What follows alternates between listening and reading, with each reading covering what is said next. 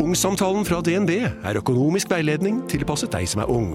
Bukk en ungsamtale på dnb.no. ung. Ok, det var jo en syk døll måte å forklare ungsamtalen på, da. En smart prat om penga mine, ville jeg sagt. Ikke sånn kjedelig økonomisprat, skjønner du. Flåtsom og Gjetsam kommer med en ny plat i juni, så jeg fant frem et artig intervju med guttene når de var i Oslo i 2015. Jeg heter Helle Steinkløv, og du hører på Jernverket. Men eh, du, før intervjuet er noe jeg må si. For det er ikke gratis å lage Jernverket, så om du vil støtte produksjonen av programmet, er det helt genialt om du vil donere et par slanter.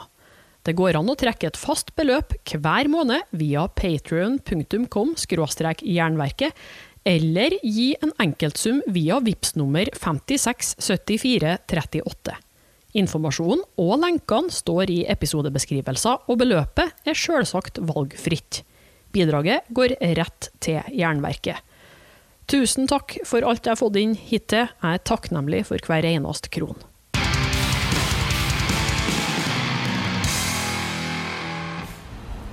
So now I'm sitting on the porch of a church with Flotsam and Jetsam, or at least one of you guys. Uh, could you uh, please tell me who you are? Hey, this is Mike Gilbert from Flotsam. I'm the guitar player. Uh, uh, I've been in the band since pretty much the get go, from uh, the uh, beginning, I Live You Die, and the demo tapes and all that stuff. That was a lot of that. Uh, the music and stuff was that when I came into the band, I started writing it. So uh, I'm, one of the songwriters too. So You came in when Flotsam and Jetsam went from being uh, like just a high school garage band to be more. Uh, no, well, I mean, they they were definitely killer. I remember seeing them a couple times um, at a couple shows. They were opening up for, I think it was Mercyful Fate the first time I saw them, and I was like, oh man, can I cuss? Okay, so I was like, holy shit, this band is killer. You know, I saw them, and uh, within a couple of months, they had contacted me because they were gonna they were making some changes with their guitar player. And they'd asked me to do it, you know. They asked me to come and join. You know, I didn't, I didn't expect it at all. So I was like, "Fuck yeah, I want to do that," you know. So uh, the rest is kind of history. I went in and uh, talked to Newsted, and we kind of jammed a little bit. And he goes, "Yep, okay, you're in." So Did you know the guys uh, back then? no, we had a mutual friend back then, and uh, you know, I don't know, just kind of happened. One of those things, I guess. And you said you started writing music for the band right away. Right away, I uh, I I was writing music before I joined, so I had some stuff like kind of uh, uh, prepped, you know, ready to go for it. But first thing was first, I had to learn the songs that they already had, which is a lot of the stuff that was off of our first record, the Doomsday for the Deceiver record. But then um, the more abstract music that's on there, uh, that's kind of my influence coming into the band. Uh, Newsted was always the the uh, vocal or the the lyric influence. You know, I, I my lyrics sound like shit. I, when I write something, my lyrics are just awful. Uh, you guys would laugh. You guys, we really, it'd be so disappointing. So tell me about uh, the first record. Uh, when the story begins with Doomsday uh, for the Deceiver, that was '86. Uh, what happened around this year? Wow, that was really weird. It was, uh, it wasn't metal. Definitely was not happening. It was really, really underground. There was very few bands doing it. I mean, there was Metallica and Megadeth and stuff like that, and um, it. I don't know. It just started evolving. Kind of started snowballing after that, and then. I, I- you know, I couldn't even believe that we ended up getting a record deal back then, and then we ended up getting on a major label within two years. You know, uh, 1988, we ended up uh, getting on Elektra Records, which is which back then big deal to be on a major label. It meant meant that you were, you know, making it to the next level. You know, Metallica was on a major label, and then. Uh, yeah, so we were just all excited, you know, thinking, "Wow, we might have a career doing this," you know we weren't really trying for that. We were just we wanted to jam, we wanted to do shows and just have some fun. And ended up now we're touring and all this stuff, really cool stuff was happening, making records and And you were touring with the big guys back then. yeah, our very first tour was with Megadeth. Uh, they came through town uh, in Phoenix, and we ended up uh, being a local support at the time. And Dave Mustaine was like, "Ah, fuck it, uh, why don't you come with us?" You know, we all got along great. We we got uh, got along famously, and he kind of took us under his wing. We ended up having the same management and stuff, and and uh, still talk to him to this day. You know, so You planning to do a new tour with Megadeth, Meg? Would you do that? I would do it in a heartbeat. Um, I don't know the way things work these days and how these big uh, festival tours and stuff go. It's really it's really tough to decide. You know, there's a lot of different factors. There's buy-on bands. You know, it's a lot easier to get a buy-on band uh, and have them help support the main act instead of uh, a main act. Ha- you know, having the responsibility of bringing in you know 300 400 people. So it's just a it's a lot less stress. So I understand the buy-on acts, even though I think it's it's fucking up the business. You know what I mean? So this is why all these weird bands come. I, I saw like Five Finger Death Punch with Judas Priest. Is this just they, they buy themselves? Mm-hmm. No, rights? bands like that they don't have to do a buy-on, but like uh, local bands and stuff like that, or or bands that I, I don't. How do I say this without sounding? I don't want to sound like a dick, but I guess we have a little bit of seniority uh, um, in the business a bit, so we don't have to buy on a tour. You know, we we get asked, which is cool. You know, they give us a guarantee. But uh, some of the newer bands that are out that aren't, you know, maybe haven't been around for so long, they might have to have a record label if they have a record label backing, throw some money towards a tour. And I think, uh, I I think that's, I don't know. It's just I think it's screwing it up for everybody for for the touring bands. You know. But uh, let's go back to the songwriting. Mm-hmm. Uh, the first few years, you said you wrote a lot. Uh, Jason Newsted wrote uh, lyrics. After the first two records, uh, Newsted and AK wrote the lyrics, and uh, actually just recently on the Ugly Noise record, Newsted came back and he co-wrote two songs off that record with me, uh, just because we're still buddies. You you lost him to Metallica for like Yeah, yeah, we kicked him out. No, no, that was a great opportunity for him. You know, they asked him to join, so I kind of knew it was happening. Is when Cliff died, it, it was a tragedy, but you know, after thinking about it a couple weeks later, I was like, you know what's? I know exactly what's going to happen here. So, uh, you know, I got the call from Newsted. You know, and said, dude, you got to do that. You got to go. You know, it's a big deal. So. What did you guys do then? Straight out on the streets and get a new guy? We got a new guy that was from a band called Sentinel Beast, which is Michael Spencer, and he's he's on the bus right now, actually doing some computer stuff. So, um, and he's back in the band, you know. So he's uh, he left for a while as well after that year. He left, and now he's come back. So oh, the band had a lot of lineup changes, but it stayed kind of family oriented, I guess you could say. So Many of you have been in the band and then out and then back again. You two had a little break. had a little break. Yeah, I raised my kids. Um, I had some issues with like our management at the time, and I was just I, I needed the time off. I was like, fuck, it, this was way too hard, too mentally just challenging, you know. And I was like, I got to focus on my children, you know. No, they're grown up now, so I can be out here and act like I'm a kid too now. What do they think about your music? Uh, they they go to the shows. My daughter's a she loves metal. My son not so much, but he uh, he still goes and he's like, God, Dad, I can't believe you play this crap. You know. Just the way it should be. as long as he doesn't like hip hop. No. Uh, what does he like? He's he actually started playing guitar. He likes a lot of popular music though. You know, he's got appreciation for metal because uh, a lot of good musicians in metal. But uh, could you tell us a bit about uh, like your um, your Doomsday album, the No Place for Disgrace, and all like this, some stuff like that? They they become classics. Yeah. Um, What do you feel when you hear people talk about your albums as classics? it's it's weird, you know, because we get a. I don't even know what to say. I'm I'm uh, I'm totally flattered and just like I, I can't believe it. I'm uh, I feel totally lucky because um, we get these tours over here and we have a special set that we do. We get requests for just those two two songs off those two records, and the fans come up and they've all got the same stuff. You know, they've got the Doomsday records and they've got the No Place records and they say the same thing. It's classics, and I'm like, classic, really? I, you know, I think of classics. I'm thinking of freaking whole lot of love by Led Zeppelin and stuff like that. You know, so for me, when someone says that, I'm like, wow. You know, kind of get a little teary eyed a little bit, and just don't really know what to say. I'm just kind of humble about it. You know. But you put out like ten other records too.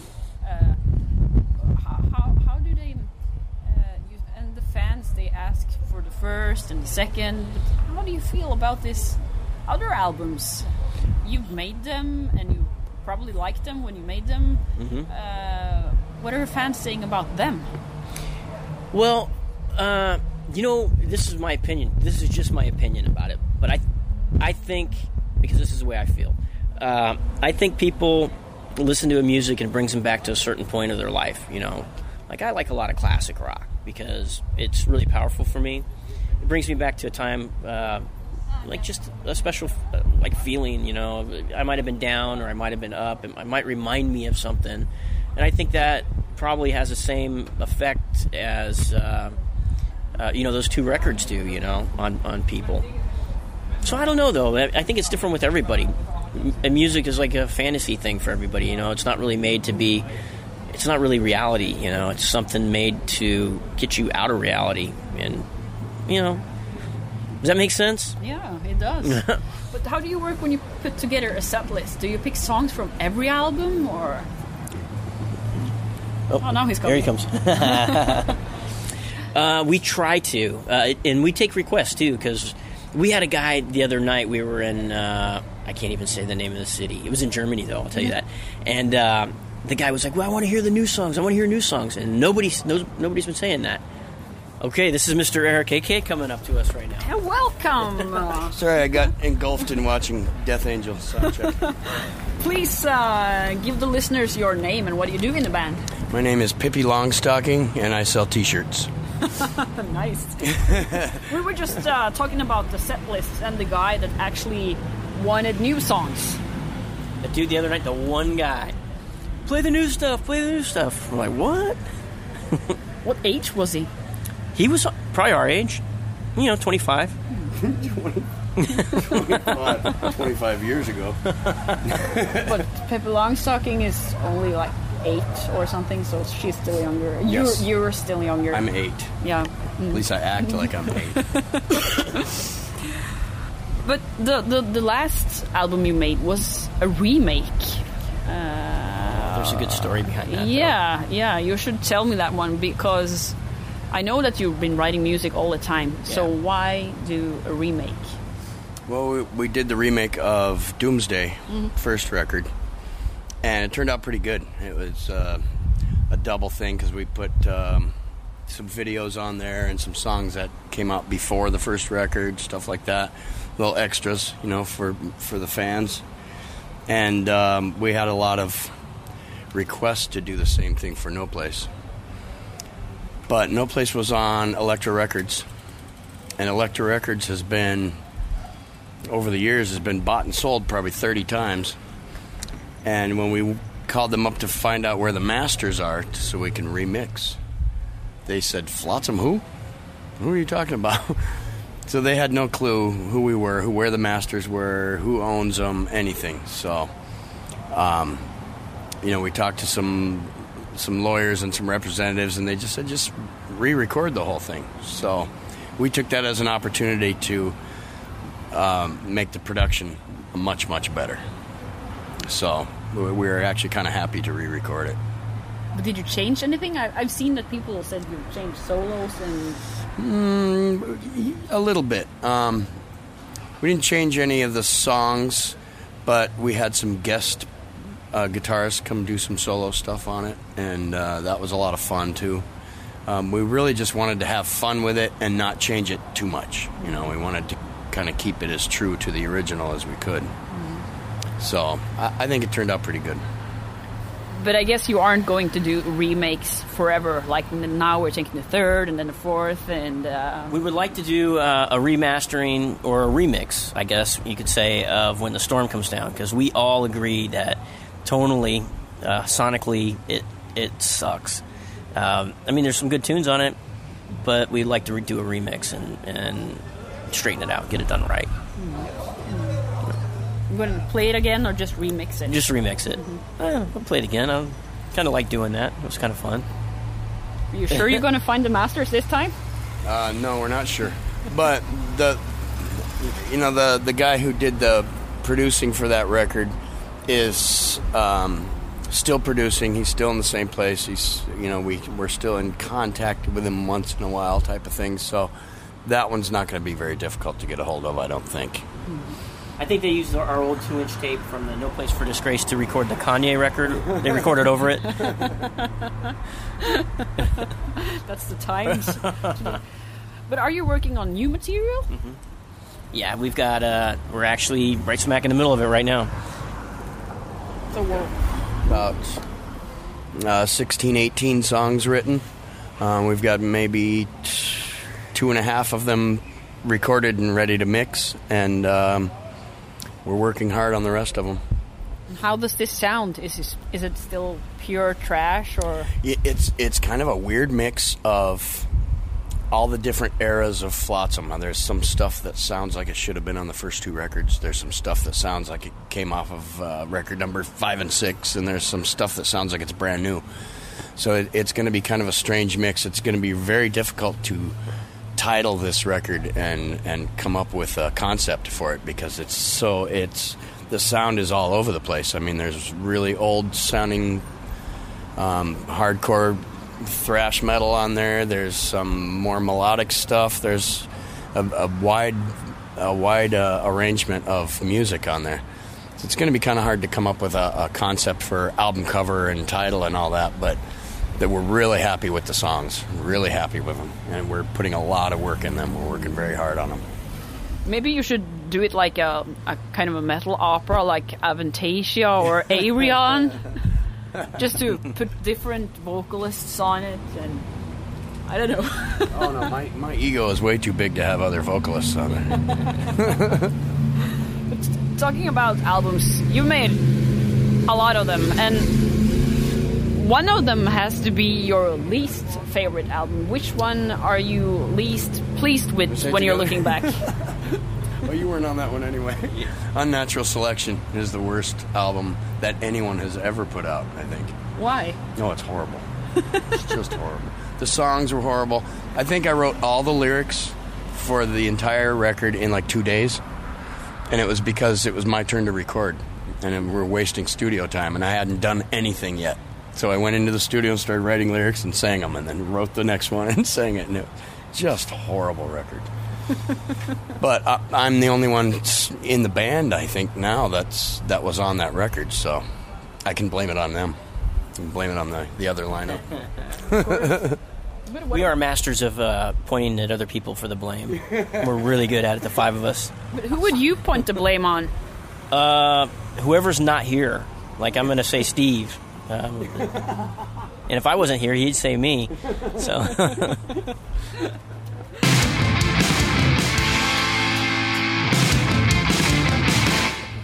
You've actually one of the bands that you you've never like taken a big break for ten years and then come back. You've been playing all these years or, and making music. Uh, can you tell us uh, a good story from Flotsam and Jetsam? It can be in the studio, on tour, with fans, a Spinal Tap moment, something mm-hmm. funny or juicy to share with the listeners. Man, there's a lot of stories. some of them are shareable, some of them aren't. Take, you can take one of those that are not shareable. You know, there's a Norwegian listeners. They can deal with some hmm. obscenities. Hmm. Uh, no, some of them we just can't share. You can tell them to me. in Some of them we've completely forgotten about. We do hazing in our in, in our organization. oh yeah. So we we get uh, uh, like in our road crew, if we get a new guy, we haze him pretty bad uh, for about a week. What do you do then when you hasten? We we have themes for different. Every day is a different theme for what we're going to do to him. like we have uh, a no talk day where you can't talk to him, so he ask he might ask be asking questions, and nobody nobody can talk to him, and he gets get yeah they totally ignore him. Uh, then there, there, this is a brutal one though. There's no sleep day, so everybody takes turns making sure that he doesn't go to sleep. and I remember here's okay. Uh, what was uh, oh, I- what was the drum his drum tech's name that at the time? Tim. It was Tim. And we ended up taking one um, one of these parking uh, curbs, right? And we put it in his bunk in his bed, so he couldn't. He, it's, that's so mean, isn't it? We also. He went into the bathroom in the bus one day, oh. and we wedged a guitar case up against the door so he couldn't come back out of the bathroom, and we left him there all day in the little tiny bathroom in the bus. Just go, let me out, let me. Just left him. Oh no wonder you get a lot of new guys. No, it's all in good fun. We all have fun with. it. We don't, you know. but but do, do they know that they get hazed, or do you just do all this Oh yeah, stuff we tell without? them. We tell them. So yeah, next yeah. yeah after the first week, it's like okay, Hazing time. it's hazing. Had another guitar tech. We duct taped him into his bunk. Completely duct taped it so it was com- just black in there and there's no light of any kind. And he just wakes up in the morning and he can't get out and he's freaking out. Um, one guitar tech we had, we did that too. And we're in the morning, we're waiting to hear some screaming, you know, because he can't get out of his bunk. We went to the front lounge of the bunk and he's just up there reading a paper, having a coffee. We're like, no duct tape, like we ne- like it never happened. So he went to sleep with his pocket knife in his pocket, and he got up in the morning, and went, "All those guys," and he just cut himself out, and like nothing ever happened. Bummer. It was a- We've never Yeah. had anybody quit on us though. Nobody's quit. Not because of that. No, no. So we always we're getting new people all the time. Like every time that we get a, a new guy, they end up kind of staying in, staying with us. You know, like we just uh, got a really good sound guy, uh, Martin Furia from a band called Bark. Um, he plays in that band, and then he runs sound for us and a few other bands when he's not doing this, and he's fantastic. And uh, we just met him a couple months ago. You know, we didn't haze him. we haven't yet. You don't haze the sound guy because that's when your shit doesn't go through the PA system. sound man is our friend. Yeah, because he can actually screw you guys too. Do you know if there is a possibility to find the tickets for the day? No, I, e- even I don't have one, and I'm doing an interview with the guys. You know, it's impossible. Sorry, but no, you you a can't good get a ticket. You you have to blackmail some of the people going to the show. Blackmail? Give them a lot of money. I don't know. Sell your body. That's a good segue though because the show tonight is sold out and nobody can get tickets. So, and that's a good thing, except for the people that don't have tickets. Yeah. Maybe it'll, I don't know. Some people will storm the the house. I, I don't know. But uh, and I guess that this show is probably sold out because they've been good at uh, publishing it in social media, and that's uh, a large part of the band's life today. And I, I watched your Facebook page, and you put out some pictures there, like of your beer and the ghosts. Oh, you saw it. What do you think? What do you think it was? It was a ghost. Did it look like a like a yeti, like a abominable snowman? No, it was a ghost. a spirit. The ghost from Scooby Doo. I do that though. I find stuff. uh, Maybe there's something wrong with me because I see stuff in my beer. things come to me. Things happen to me in my beer. But have you Like that. thought of get, getting uh, Help? paid for it? you could just sell, like you know, these ladies that uh, have tea leaves and they see what's happening in your You can tell future. people's future with your beer foam. Yeah, That's not a bad Going idea. to see a ghost. but that, that's that would be a good gimmick for for the new album. You know, every song. beer foam on the album cover. Yeah. Why not? We turned AK to the dark side on this tour because he didn't drink beer before this tour. Now he's give me a beer. Mm-hmm. You didn't drink before this. Uh, not beer. Only Jack Daniels. So you're even later than me, starting to like beer. Or yeah. I, um, you know, Jack Daniels has been so good to me. I just. I have to stick with my friends, you know? So now we already have like more than 20 minutes, and the show is one hour long. Um, still, uh, I'm thinking about what I should ask to complete this. Um, but yeah, I was going to ask about the social media. Uh, how do you use like Facebook and stuff to? Do you use it to talk with fans, or only to promote, or Uh, uh, for both, actually, because uh, on our personal pages we do get some stuff from fans, um, but you got to be really careful with it because you try to you try to be cool with people, but sometimes they take it a little too far. Like they'll ask you a question, like, "You got? Are you guys coming to wherever, someplace, uh, Gelsenkirchen, Germany. Yes, we're going to be here then, and then, uh, you know, thanks for uh, supporting us and stuff like that. And then they'll go in, they'll start telling telling us stuff. Well, check my band out, you know, this and this, and they'll start sending links and stuff like that. It's like, you know, we it, we don't have time to do that all the time. I mean, we love to do it, but you know, sometimes it, it's a little difficult for us, you know. And then if we don't do it, then we get, uh, you know, you know, people don't think too highly of that either. You know, they get they get pissed off, and that puts us in a weird position. But the the other part of it is on our Facebook page for Flotsam. Um, it's a beautiful thing to be able to get out there to people, you know, uh, for advertising and stuff like that, and to let people know what's in your beer. But have you ever experienced something really weird with, with fans? All the time. You ever wo- woke up with a fan staring at you? Uh, a merchandise girl once. Um, um, you know, like the other night, we had a fan who uh, was backstage talking to us for a while. This was last night. I didn't want to say it was last night, but was the other night. Um, The other last night. and he was just talking to us about other bands and stuff and about how much our music meant to him. And then he started talking about wanting to kill people and kill himself. And it just got really weird really fast. And those are the kind of um, instances where you're just like Whoa, back up a little bit. It's okay to be a fan but don't be so weird you know Yeah. It might have, might have been the alcohol too. You know, I think he was drinking a little bit, but he was really a nice guy at the beginning, and then it just got weird. You know, like it made us a little bit uncomfortable because he ended up in the dressing room. You know, and that's that's hard hard to do sometimes. Yeah. And we're like, okay, what's up, man? yeah. What do you do? Should you call the police? Like, hmm. Uh, I. I, I've got killing threats in my inbox just because of my dialect. It's Really? it's like that when you're in the media or in a band. People think they can write or say whatever, but they usually they don't don't anything. no, But yeah, it's usually pretty innocent. it- when someone tells you they're gonna kill themselves, of course you get afraid. Like, what do you do? But he didn't really look like he was in that state of mind. it just looks like he was really drunk Probably just wanted you to, I don't know, comfort him. But um, usually, I um, or always, the bands are supposed to pick the music for a show, and um, I'd like you guys to pick uh, one Flotsam and Jetsam song. You can agree about which one, and then I need um, nine favorite songs, uh, like f- f- four or five from each of you. Oh, okay. well agreeing on a flotsam song is not going to happen with me and mike So you Okay. It might. let him Eeny, pick meeny, miny, mo.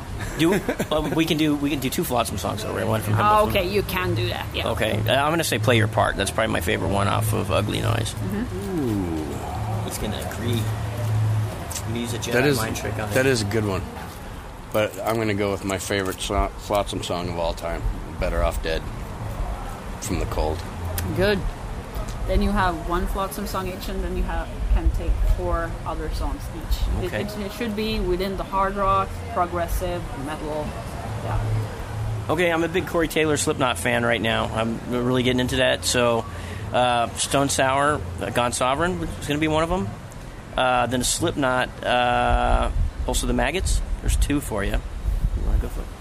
Uh, we're going to have to go Judas Priest, Hellion Electric Eye, and uh, Screaming for Vengeance. I like his choices better. I'd never play Slipknot if it wasn't for you, you know. Oh, really? No. You you do all classic? Yeah. Oh, okay. Well, I can. I, no, no, no, no. You can wish whatever you My want. next one was going to be ACDC, two ACDC songs okay. anyway. it's a long way to the top, and then have a drink on me. I want you. Taste is individual. Um, let's go with uh, Iron Maiden. Piece of Mind. Something, anything off of Piece of Mind. Um, and maybe Aces High. Yeah. Nice. Yeah. That was quick. Then we only have one thing left, and that's the jingle. And he's awesome at that. Yeah, radio jingle.